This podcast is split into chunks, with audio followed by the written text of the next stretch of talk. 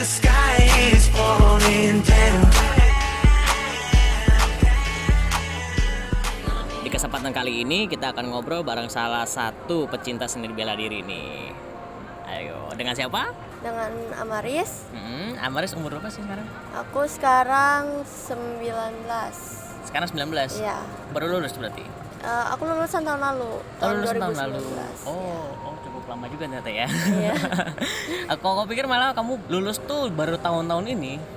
Oh, Enggak, berarti iya. udah setahun lalu ya? Iya, aku udah setahun yang lalu udah sempat kerja juga sekitar 8 bulanan. Oh, udah sekitar 8 bulanan kerja. Udah, Hmm, udah setahun lah lulusnya. berarti waktu aku ngikutin Instagramnya udah lama banget ya. Iya, telat, telat ngikutin beritanya ya. Amaris sendiri ini kan kalau aku lihat di Instagram gitu kan memang pecinta seni bela diri. Seni bela diri apa sih yang kamu ambil sih?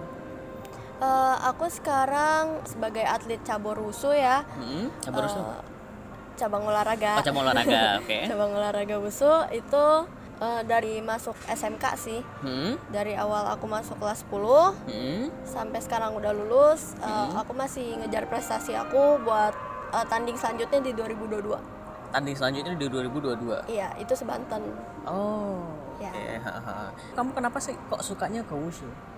karena menurut aku unik ya wusu itu kan salah satu bagian dari kungfu ya Hmm? nah uh, wusu itu terbagi dua ada sanda dan taulu gitu Hmm? kalau sanda itu biasa uh, kayak tanding-tanding uh, bela diri lainnya yang ada lawannya biasa kita kayak bener-bener fight beneran Hah? Tapi kalau aku ngambilnya yang versi taulu, usu taulu itu dia lebih menampilkan atau menonjolkan keindahan dari kungfu itu sendiri.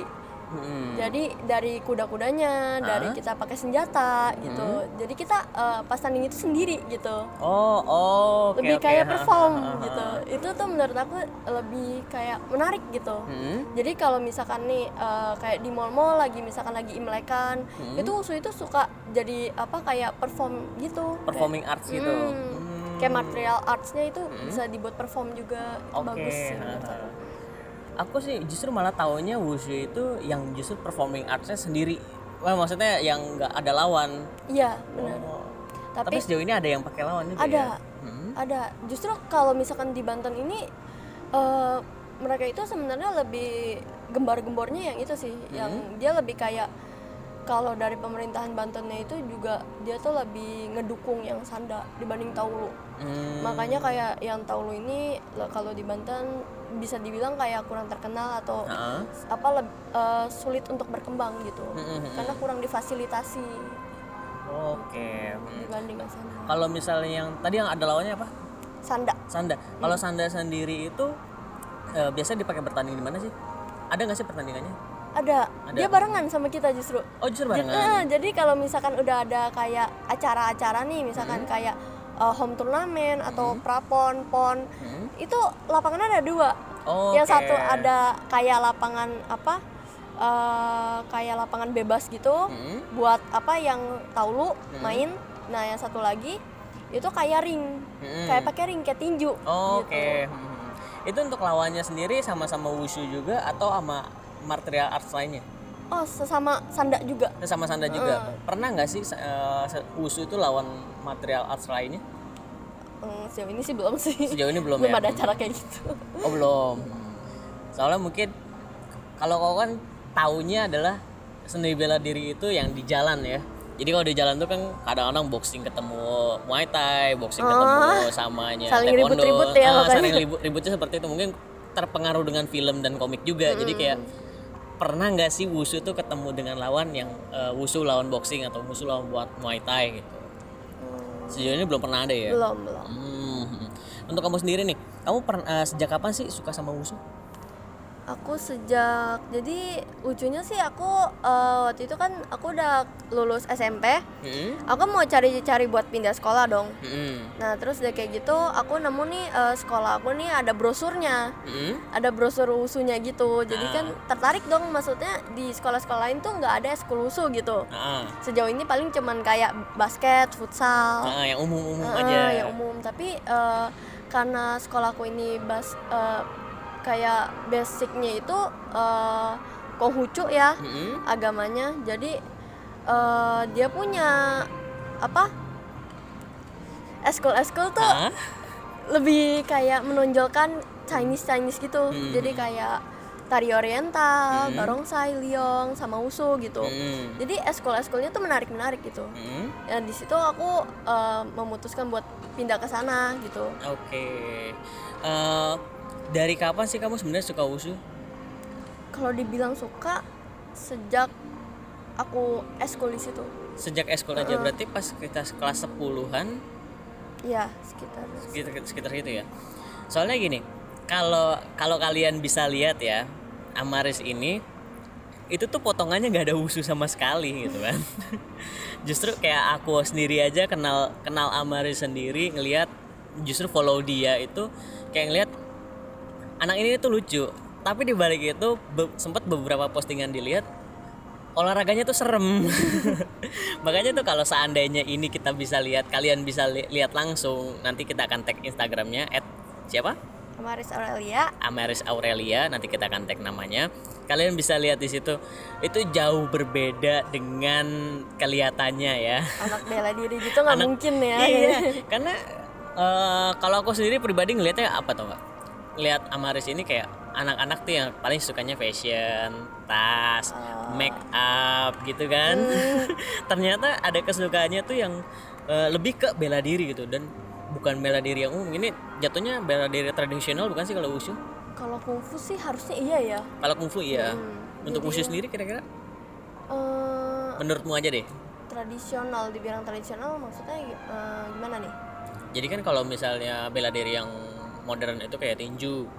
Itu kan Oh. itu bela diri modern. kan? termasuk modern sih. Wushu termasuk modern. Hmm. Karena Karena karena apa aku juga nggak tahu tapi sekarang itu disebutnya bela diri modern karena baru eh, apa eh, baru belakang-belakang ini juga musim gitu apalagi sejak yang Linswell Mm-mm. yang apa Tai Chi Master Tai Chi lah Oh, udah oke. se Hmm. Asia gitu dia dari Indonesia dia udah menangin berkali-kali gitu ya Hmm. Jadi kayak baru orang-orang tuh baru kenal oh wushu tuh kayak gini gitu Oh gitu. dibilang modern udah cukup modern sih Udah cukup modern. Soalnya gini, mungkin ada dalam pikiranku sendiri ya seni bela diri yang masih pakai tombak, pedang gitu. Itu maksudnya kayak tradisional dan klasik gitu. Mungkin terbawa terbawa sekali lagi terbawa Kayak ke film, film ya. ya. Karena Iya, film kan filmnya. rata-rata kalau yang tradisional atau klasik pasti mainnya lari, larinya ke pedang dan tombak gitu. Hmm. Apalagi wushu sendiri yang koko tahu lihat di based on YouTube juga gitu kan rata-rata pakai pedang, pakai tombak gitu. Nah itu tradisional gitu. Ternyata udah masuknya modern ya. iya Ada sosok nggak sih atau orang yang yang justru kamu idolakan makanya kamu jadi suka wushu? dibilang sosok yang mengidolakan justru dulu aku nggak tahu ada atlet wushu tuh kayak yang muncul-muncul di TV tuh aku nggak tahu gitu Oh ya? Iya, jadi aku eh, bingung ya. Hmm. Jadi aku tuh terinspirasi ya karena pertama kali itu aku kan latihan-latihan nih. Justru aku Hmm. tuh nggak tahu wushu aslinya tuh seperti apa. Sampai tiba aku tuh ikut home turnamen di mana kita ketemu atlet-atlet profesional. Ah. Jadi ketemu bener-bener atletnya langsung. Kalau kan eskul kan, Hmm. jadi kayak latihannya ya cuma sekedarnya gitu. Hmm. Sampai tiba ketemu sama atlet-atlet langsungnya itu, ih kok keren banget gitu. Hmm. Mereka mainnya bagus gitu. Hmm. Kayak di situ aku eh, terinspirasi bisa dibilang ke semuanya. Oh gitu. Jadi aku benar-benar terinspirasi sama usunya ini sendiri gitu. Hmm. Apa sangat terpesona lah sama eh, apa keindahan dari material arts yang kali ini. Oh gitu. Mm-mm. Berarti memang kamu tuh eh, segitu cintanya dengan wushunya sendiri ya, bukan Iya. sama sosoknya gitu. Kalau kayak aku pribadi kan suka sama game biasanya. Memang suka dari gamenya. Nah ada ada sosok tertentu juga Hmm. Kayak seperti sep- gitu eh, ya. lebih personal. Kalau yang ke personal mungkin eh, pada saat podcast ini contohnya Hmm. itu suka karena ada orang-orang yang terjun di bidang podcast. Sebenarnya sih dari si- siaran radio awalnya, tapi ke sini sininya kan ada eh, ada dunia baru yang namanya kita sebut podcast gitu. Nah untuk podcast sendiri kayak aku kan terpesona dengan eh, Corbuzier, Deddy Corbuzier membawainnya, lalu ada Raditya Dika juga. Nah kan mereka pada bikin podcast. Nah dari situ kok muncul kecintaan juga untuk coba nih untuk bikin podcast. Kok pikir tuh kamu ini suka dengan wushu karena lihat sosok baru jadi suka wushu gitu. Hmm, enggak sih kalau aku pribadi eh, aku sangat mencintai wushu itu sendiri Hmm. jadi kayak keseluruhan lah ibaratnya gitu Sejauh ini latihan masih di sekolah untuk Enggak. esko. karena aku sudah lulus jadinya aku lebih ke private jadi Hmm. Oh, lebih ke uh, uh, private. lebih ke private jadi pelatih aku tuh kayak nyamperin gitu Mhm. aku lebih kayak uh, fokus sih kalau kayak gitu kalau misalkan kita esko kan rame-rame gitu ya Mhm. jadi kayak salah nggak salah pun jadi susah untuk dikoreksi gitu Oke, haha. untuk lihatnya salah atau tidaknya Hmm, suka sulit gitu ya. ya Nah, untuk latihan jam latihan biasanya kamu kapan aja sih? Kalau jam latihan sih karena sekarang lagi corona gini ya Hmm? aku biasanya tetap kalau dibilang latihan aku kalau latihan hampir tiap hari Hampir tiap hari. Eh, aku udah jadwalin ya kalau misalkan apa aku selalu jadwalin kayak eh, pokoknya rest day aku tuh dua hari gitu Hmm. sisanya itu aku pasti latihan gitu entah aku Wow. lari entar aku apa gitu Basic latihannya apa aja sih? biasa kita kayak pernapasan itu kan penting kan buat Mm-mm. semua cabang olahraga jadi Pasti. lari itu lari terus kalau di wusu itu kan dia juga eh, lentur juga Hmm. jadi kalau eh, kayak taekwondo juga lah pokoknya dia kayak Hmm. lentur gitu jadi eh, kita nge-split itu wajib split itu wajib di situ Oh ya? Hmm, jadi dulu kan karena aku mulainya aku kelas 10 gitu jadi kan Hmm. badan aku udah kaku Mm-mm. aku itu dulu awal-awal masuk itu dibetot-betot jadinya Hmm? apa biar bisa split jadi ditarik sama dua orang gitu Serem jadinya ya. ya atau enggak eh, dua bangku jadi kita kayak berdiri di dua bangku terus ditarik bangkunya sampai kita jatuh ke bawah jadi bener-bener Ngilu ya. Iya, bener-bener se ekstrim itu lah biar bisa dapetin split karena kan soalnya Hmm? kalau misalkan kayak di apa santai-santai gitu nggak bakalan dapet gitu Hmm. soalnya kan kita kan udah kayak tua gitu kan Ah, ah. udah otot-ototnya udah kayak mengeras gitu Hmm. jadi harus dipaksa gitu Pada saat latihan pertama kali kamu udah langsung cedera atau Eh, ya pegel banget sih ya mas Ah. aku nggak pernah olahraga Hmm? dan baru kali ini aku secinta itu sama olahraga wusu dan sejak Hmm. aku wusu itu justru aku eh, sampai suka ke semua olahraga jadi aku Hmm. sampai kayak diajak nge-gym ayu diajak Hmm. apa main kayak basket atau apa gitu aku jadi suka semua Hmm. walaupun tadinya tuh aku benci banget yang namanya pelajaran olahraga gitu Ah. jadinya gitu sih Oke. Eh, itu menarik banget ya, karena eh, biasanya kalau orang suka dengan sesuatu belum tentu bisa suka dengan yang lain dan kamu malah justru terbaliknya ya. Iya. Dari suka mau suka wusu malah jadi suka banyak banget olahraga gitu kan. Iya. Nah, eh, tadi kan kamu pernah bilang pernah ikut kejuaraan. Berapa kali sih kamu ikut kejuaraan? kalau resminya secara resminya itu eh aku bener-bener yang tanding apa dari pemerintah ya Hmm? itu baru pertama kali aku tuh tahun 2018 baru Hmm. sekali itu karena lawan aku benar-benar sebanten yang Hmm. bener-bener pure eh, atlet-atlet beneran gitu loh Oh, bukan oke. kan kadang kan ada yang kayak home turnamen yang isinya sekolah. sesama eskul gitu iya Oh, jadi oke. kan kayak iya kita nggak tahu dong kayak yang atlet usunya nih kayak apa nih gitu Mhm. soalnya kan ya daerah-daerah kita juga gitu Mhm, kan ngerti, ngerti.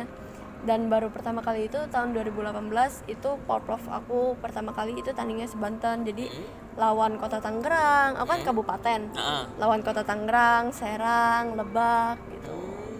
Jadi banyak banget kemarin. Ada ada cita-cita nggak untuk dat- sampai ke apa ya kabupaten? Bukan kamu apa? Kota ya baru kota ya? Antar antar kota? Oh. Pernah atau ada cita-cita ke sana mau sih. Justru karena kemarin itu jadi gini eh, medali emas terbanyak itu naik ke seleksi selanjutnya. Mm-mm. karena kemarin aku pas poprov itu dapat eh, apa perak perunggu Hmm. aku nggak dapat emas. Jadinya Hmm. aku tuh nggak bisa naik ke prapon. Oke. Gitu. Pokoknya nanti naik ke prapon tiga besar naik ke pon. Seleksi lagi Hmm. dari pon jadi timnas gitu. Jadi kayak naiknya itu eh, medali emas terbanyak gitu. Yang Ah. paling eh, ya jawarannya Indonesia gitu. Jadi oke. eh, karena harusnya tuh makanya aku berjuang untuk yang 2022 ini. Mm. itu semoga dapat ya emas terbanyak lah biar aku bisa Amin. naik ke prapon lah ya. Gitu. Itu memang cita-cita kamu nggak sih jadi atlet? Karena gini kalau kayak koko sendiri aku sendiri kan jadi koko ya.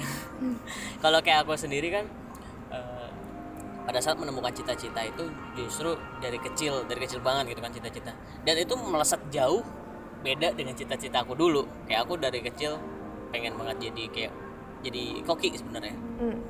sekarang malah sekarang malah Podcast ya? terjunnya ada broadcast di, la- di radio terus untuk kerja sendiri juga kan aku malah kerja di apa ya bidang bidang snack gitu kan di Shilin ya memang berhubungan dengan makanan tapi kan tidak kokinya juga Oh, iya. nah kamu sendiri memang usu itu eh, bukan usu ya atlet itu jadi cita-cita kamu gak sih? Memang dari kecilnya? Eh, menurut aku menarik juga sih ya kalau misalkan ada pertanyaan kayak gini karena Hmm. eh, aku tuh kecil itu nggak pernah punya cita-cita nggak pernah punya cita-cita lah atau impian gitu ya. Masa sih? Karena kayak kita kalau misalkan dari kecil ditanya mau jadi apa?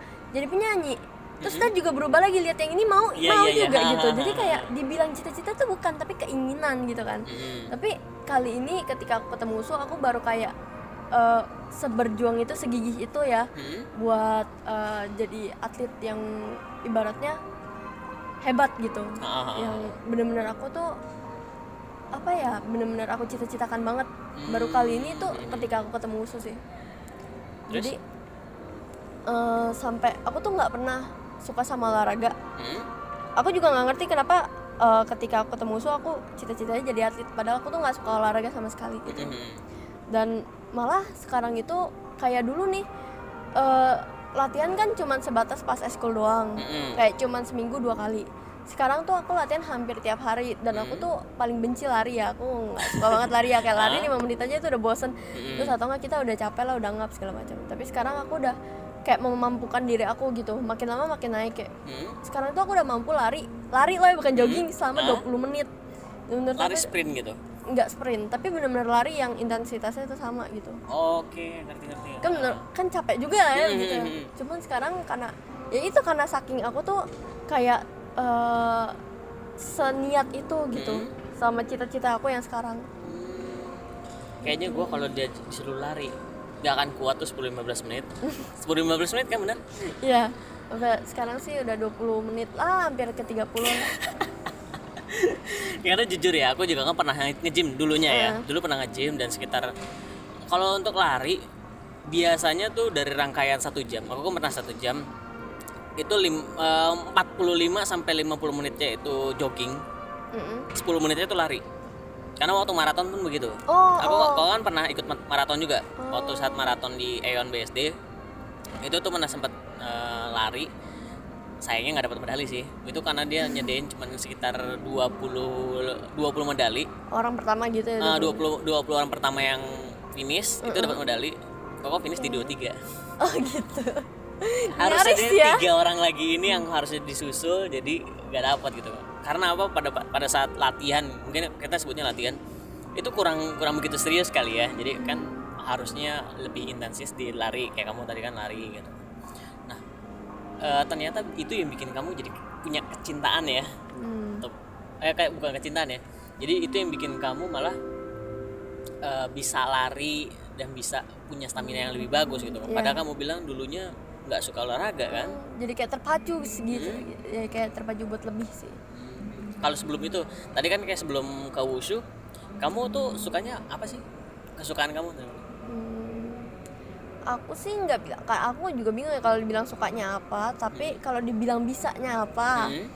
Eh, aku udah pernah les make up.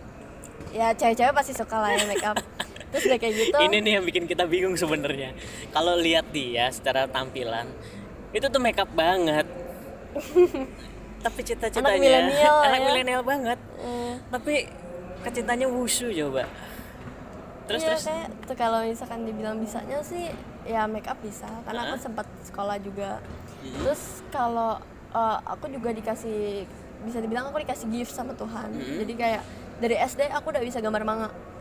Oke. Jadi aku kemarin itu eh, aku bingung nggak mau kerja apa kan.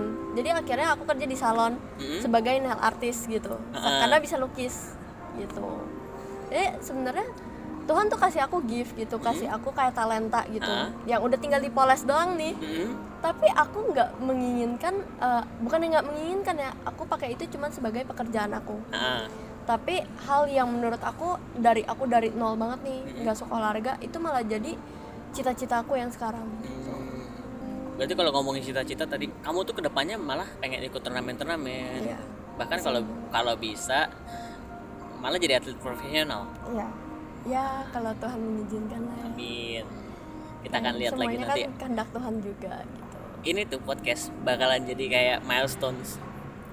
Kita bakalan lihat Amaris jauh Lima berbeda tahun ke lima depan tahun ya. ke depan mungkin nggak bisa kita undang ke podcast lagi gitu kan eh tadi ngomongin soal kamu bisa gambar manga manga apa sih yang kamu suka Hmm, aku sih random ya semuanya nonton lah ya. Hmm. Tapi aku paling suka sih apa nih filmnya atau apanya? Sekarang sih aku lagi fokus nonton web, apa baca webtoon. Hmm. Webtoon Nah, apa? Webtoon aku sukanya uh, True of Beauty, Hah? terus apa? Who Made Me a Princess itu juga Hah? bagus. Itu kirain God of the Wild itu apa tuh? God of the Wild itu kisahnya cowok dia lemah dia masuk ke sekolah yang terpaksa sebenarnya dia masukin karena itu sekolah khusus perempuan tadinya tapi karena dia orang nggak punya si sekolah itu kebetulan nge- ngebuka sebuah program di mana eh, akan jadi sekolah campuran cewek cowok tadinya kan sekolah cewek Hmm. jadi buka jadi cewek cowok dan sekolah itu khusus untuk perempuan yang isinya banyak atlet bela dirinya Oh, wow. Nah, aku pikir kamu bakal kamu lebih suka webtoonnya bacanya kayak gitu. Bela diri juga nggak jauh-jauh gitu kan? kayak gitu tahu Nggak tahu kadang ya. gitu. Coba nanti lihat aja nama judulnya Girl of the Wild.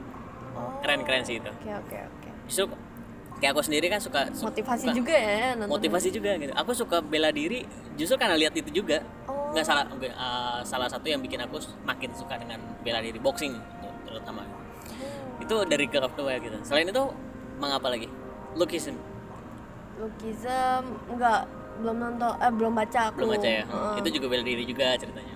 Aku tuh sukanya yang kayak Drama. eh, drama suka, slice of life suka. Jauh banget kan? Yang romantis juga suka. Jadi kayak eh, horor horor sih enggak lah ya aku nggak suka. Tapi Hmm. kalau yang kayak yang bikin apa greget-greget gitu ya suka Hmm. sih. Yang lucu-lucu gitu. Dan kan memang, memang random banget gitu kan. Iya, Sukanya random yang gemes, sukanya yang gemes-gemes, suka yang drama. Tapi cita-citanya atlet. Iya kan kayak nggak nyambung gitu. Dari ya. tampilannya juga udah jauh banget. Terus kayak kalau anim, anim sendiri sukanya apa? Aku sukanya fairy tale sih. Fairy tale. Heeh, fairy tale udah Karakter pasti apa? ikutin. Apanya? Karakternya Erza. Erza. Kalau kalau gitu masih nyambung ya kan. Ya, soalnya aku selalu nyari kalau nonton nih cari cewek yang paling gak cengeng sama yang paling terkuat gitu. Mm-mm. Kalau Lucy kan dia eh, karakter utama nih, tapi kan dia kan kayak dikit-dikit ya kayak gitu Ah, lah. ah, ah, ah. Paling ini nangis mulu lah, jadi kayak drama banget kan. Tapi aku sukanya kalau misalkan eh, anime itu ceweknya yang paling strong gitu. Kalau strong secara tampilan memang Erza. Kalau aku suka Mirajane. Mirajan, oh my god. itu itu keren sih dia karena eh, di kisahnya dia kan dia kehilangan adiknya kan. Tapi dia seolah-olah dipaksa bukan dipaksa ya situasi itu yang yang sulit buat dia justru dia jadi bisa tersenyum. Hmm. sekalipun itu tuh nggak Tegar enak. ya, tegar banget. tegar. itu itu keren sih dia. Ya di balik itu kan memang ya dia sangat looksnya seksi banget kan. Hmm. tapi memang aku suka karakter si Mirajani ini sih. Keren. Oke. Selain itu selain fairy tale apa ya banyak sih tapi kalau eh, sejauh ini yang bener-bener sampai nonton banget sih fairy tale sisanya kayak ya paling kalau anime anime kayak sekarang itu cuma 12 12 episode Hmm. gitu-gitu kan jadi aku udah kagak inget terus Hmm. lebih biasanya lebih baca webtoon sih sekarang ada waktu ya untuk baca-baca kayak gitu ya ya ada ya. ada tetep. padahal tadi kalau dibilang pulang kerja kamu langsung karena tadi di belakang kan kita sempat cerita kan kamu bilang pulang kerja langsung la- lang- lanjut latihan. Hmm. kayak aku sendiri aja kadang-kadang waktu 24 jam sehari itu kan kurang. Ya kayak kurang ya. Sehari udah kerja pulang aja kan udah sekitar kalau kebetulan kan aku kerja agak jauh kan. Jadi Oh, pulang sampai capek rumah di jalan ya? capek di jalan kadang-kadang jam 8 jam 9 baru nyampe rumah. Nah jam 9 ke atas itu kayak udah kehabisan waktu gitu untuk baca-baca kalau kecuali pas lagi ada waktu ada lagi nggak bisa tidur gitu kan udah mulai baca ada nonton YouTube ini Hmm. aku malah ada kayak nggak bisa ketinggalan Mhm. jadi aku sampai uang aku tuh habis buat beli koin di Ya. webtoon saking saking aduh ini apa lagi nih, penasaran lagi? ya Heeh. jadi eh, sampai nggak bisa ketinggalan banget gitu Ya gue juga kadang-kadang pengen pengennya gitu kan. Udah penasaran di deket-deket kan tang- tanggungnya bersambung biasanya kan. Hmm. Pengen lanjut lagi pakai koin. Aduh males tar aja lah udah nanti tungguin minggu depan gitu kan. Pengen ngantuk juga kadang-kadang kan. Keren juga bisa sampai sepenasaran itu kamu dengan Iya, penasaran webtoon ya. kamu ada cowok nggak sih yang berani deketin kamu sebenarnya? kalau dibilang cowok sih ya pasti ada aja dong soalnya kan kadang kan dia itu tampilannya begini ya. iya maksudnya kadang kan orang cowok kan apalagi cowok ya sekarang tuh ngelihatnya dari DP lah Mm-mm. dari Instagram dari snap Apalagi karena corona begini yang dilihat satu-satunya itu. Iya. Karena diajak ketemuan susah. iya jadi kan ngeliat snapgram mulu atau apa gitu Hmm. kan eh kalau dibilang ada aja sih ada Hmm. dan kebetulan eh, cowok aku yang sekarang ini untungnya Hmm. sesama atlet juga jadi kita ketemunya di lapangan sih Oh gitu. Eh, kalau kebetulan kan cowoknya sekarang eh, atlet juga ya. Hmm. Kalau kalau kamu pribadi memang nyarinya itu yang suka bela diri juga, yang atlet juga, atau memang sebenarnya cowok yang mana aja sebenarnya oke gitu. aku Ada maksudnya ada kriteria khusus Oh. dia gitu eh, atau atau dia suka bela diri nggak? Aku sekarang itu ya kayak kriterianya maunya sesama atlet gitu. Karena kan lebih apa ya jadi lebih suportif. Oh, jadi kayak oke. Hmm. kayak apa dianya juga karena sekarang kan eh, pacar aku apa atlet juga jadi kalau misalkan aku nggak tahu Hmm? aku nanya dia. Jadi sama dia, dia bisa diajarin gitu. Kayak gerakan yang aku nggak bisa. Hitungannya juga dia kan lebih duluan kan dibanding Ah. aku. Jadinya dia kayak lebih paham gitu kadang jadi dia kayak eh kamu latihan ini nih ya kamu kalau misalkan mau bisa ini kamu eh, kayak latih yang kayak gini gitu Hmm. nanti fisiknya dikasih tahu disuruh lebih banyak ka- lebih banyakin sit up atau lebih banyakin lari Hmm. Aku pikir malah jadi kayak eh, ada aku ada teman dia tuh cosplayer. oh Jadi dia bilang eh, aku sempat nanya kayak gini juga. Terus kalau co- cosplayer kamu mau cari pacar yang cosplayer juga? Dia bilang enggak. kenapa Karena satu jadi satu dia bilang jadi saingan. oh gitu Berasa berasanya jadi saingan sendiri ya gitu Oh, kan. gitu. Terus dua dia malah pengennya justru cowok yang biasa aja supaya bisa support. Dia mungkin dia ngerasanya seperti itu dan aku juga cukup kaget eh, kamu bilangnya begitu. Bilangnya apa cari suka cowok yang satu profesi yang sama gitu kan. Bukan satu profesi yang sama sih, justru ke atlet. Hmm. Harus musuh juga. Eh, iya sih sekarang juga ya. Kayaknya maksudnya gini loh kalau aku ketemu atlet yang tinju gitu kan kayak apa ya mau nanya apa juga bingung gitu suruh main tombak pedang nggak bisa. Hmm. kan juga kayak gimana ya bingung ya aku juga ya. Cuman eh, emang menariknya sih gitu. Cuman nih kalau Hmm. misalkan nih aku nih tanding dong. Nanti kan tandingnya barengan kan. Hmm. karena kita satu Banten kan. Ah, jadinya cuman aku kategori perempuan dia laki-laki namanya cowok-cowok cewek-cewek. Hmm. nah yang rasanya itu ketika tanding kita misalkan amit-amit dua-duanya kalah itu malu-maluin. Oke. kan? Lalu lu udah, lu udah dua-duanya atlet lu kalah lu kebanyakan pacaran gitu loh. Jadi Oke kayak, oke, ini bakal jadi diledekin ya. Eh, iya jadi kayak eh, itu sih yang harus dijaga justru. Hmm. profesional ya lebih profesional gitu Eh, kamu tuh ada pesan-pesan nggak sih buat cewek-cewek yang mungkin mau belajar ilmu bela diri sebenarnya? Hmm, Seberapa penting sih ilmu bela diri itu sebenarnya? Eh, untuk zaman sekarang sih penting sih ya menurut Hmm. aku sebenarnya sih penting nggak penting Eh, mau gimana pun kabur itu tetap pilihan pertama gitu ya karena kan sekarang aku tetap Hmm. Iya, kalau benar, misalkan ngelihat depan mata nih ada gerombolan eh, kabur itu hal yang pertama yang dipikirkan kan Mm. Cuman kalau misalkan nggak ada basic sama sekali gitu Hmm. ya kalau misalkan dia ngejar atau gimana kan itu kan juga berbahaya ya apalagi kalau misalkan eh, kedua itu sebenarnya penting nggak penting kalau misalkan dia keburu ada senjata api Hmm. tembak Hmm. atau apa segala macam iya aku juga bingung sih sebenarnya kalau dalam posisi seperti itu lah ya aku juga belum pernah ngalamin tapi kalau misalkan kayak jambret apa nih yang kayak cuman nyolong-nyolong begitu Ah. doang nih kayak apa eh, yang fisiknya deket tapi Hmm. itu itu buat kayak nendang atau nonjok sekalipun atau apa eh, kayak refleks gitu Hmm. itu sangat berguna gitu Oh gitu. Mm. Hmm.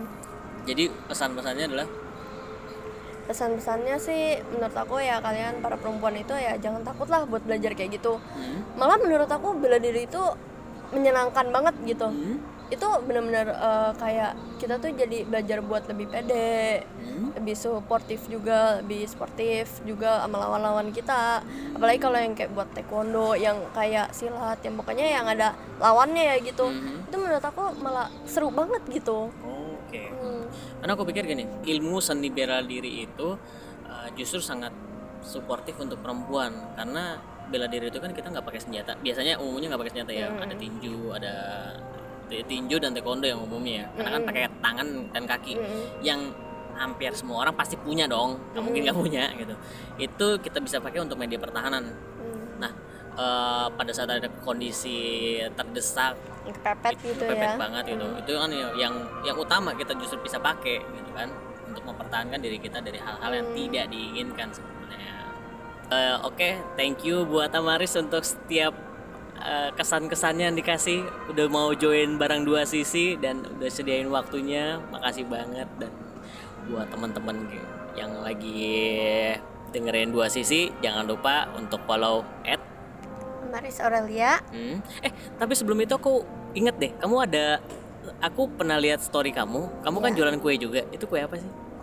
Oh iya sekarang Salah satu talent talent kamu juga, juga tuh. Eh, itu eh, iya bisa dibilang sih itu kesibukan aku sekarang ya Hmm? jadi eh, aku tuh jadi kan karena corona ini ke mana-mana mau cari kerja tuh susah Hmm. gitu karena kemarin kan aku kan sakit juga kan karena jadi aku nggak bisa ngelanjutin ke pekerjaan aku Hmm? terus jadinya aku sekarang eh, aku juga bingung lah pokoknya aku berdoa sama Tuhan nih Tuhan Ah. kasih aku jalan dong biar aku bisa tetap cari duit nih gimana aku Ah. juga bingung terus pedang aku patah kan aku Ah. harus beli dong sedangkan itu harganya kan bukan yang 100 200 ribu Hmm. kan jadi kayak Itu kamu bikin berarti pedangnya. enggak jadi kita benar-benar import dari China Oke, gitu jadi ha. kayak ada eh, ibaratnya ada Instagramnya Hmm. khusus gitu buat apa alat-alat bela diri kayak pedang tombak segala macam nah itu dari Cina-nya langsung Hmm. Jadi eh, pusatnya itu ada di Medan lah ada di Medan nanti kirim ke sini Oh, jadi dari China itu kirim ke Medan, Medan yang ke sini. Eh, ya Hmm? nah terus jadinya kan lumayan mahal lah ya Hmm? terus aku bingung nih kalau misalkan nggak kerja ini nggak akan kebeli-beli gitu Hmm. dan sedangkan kan aku justru karena lagi corona kayak gini yang lain pada santai-santai Hmm. nah lawan-lawan aku lagi pada santai-santai dan aku tetap harus latihan gitu Hmm. gimana pun caranya jadi aku mencoba untuk jualan kue padahal aku nggak pernah bikin kue sekalipun gitu Ah? dan aku nggak tahu kalau uh, aku tuh justru kayak awalnya tuh kayak ragu banget ya aku jujur aja kayak Hmm? aku tuh takut dihujat tau gak karena Hah? aku tuh nggak pernah sekalipun nge-snapgram aku lagi masak jadi bener-bener kayak latihan lah lagi ngapain lah lagi apa lah gitu Aku ingat waktu itu kamu lagi snapgram terus aku bilang kan, sekarang Amaris jadi cewek ya. oh iya jadi saking saking eh, nggak pernah masak gitu apalagi kan kue kan identik ke bakery itu cewek lah ya Hmm. cewek suka bikin kue lah bikin apa gitu yang manis-manis Hmm? nah terus udah kayak gitu aku eh, sekarang puji Tuhan gitu Hmm. dalam dua minggu aku kebeli pedang jadi eh, Wow. kan karena kemarin itu lebaran ya lebaran tuh rame loh Hmm. walaupun lagi pandemi dia tuh tetap beli buat kirim ke keluarga-keluarga mereka Hmm. Jadi mereka kayak aku kan jual brownies sama pai susu gitu. Hmm. jadi mereka tuh kayak beli sepaket sepaket gitu. Aku nggak berasa Hmm. sampai kayak omset aku tuh 2 juta lebih gitu. Sampai kebeli gitu. Jadi kayak Keren. dalam dua minggu ya gila ah. itu aku kayak ih kok seneng banget gitu. Jadi kayak eh, walaupun aku kayak awalnya mikir ih kok nggak mungkin lah jalan. Kayak Hmm. aku tuh eh, bukan tipikal yang banyak temen yang suka nongkrong gitu. Enggak banget sih aku nggak pernah nongkrong nongkrong malah.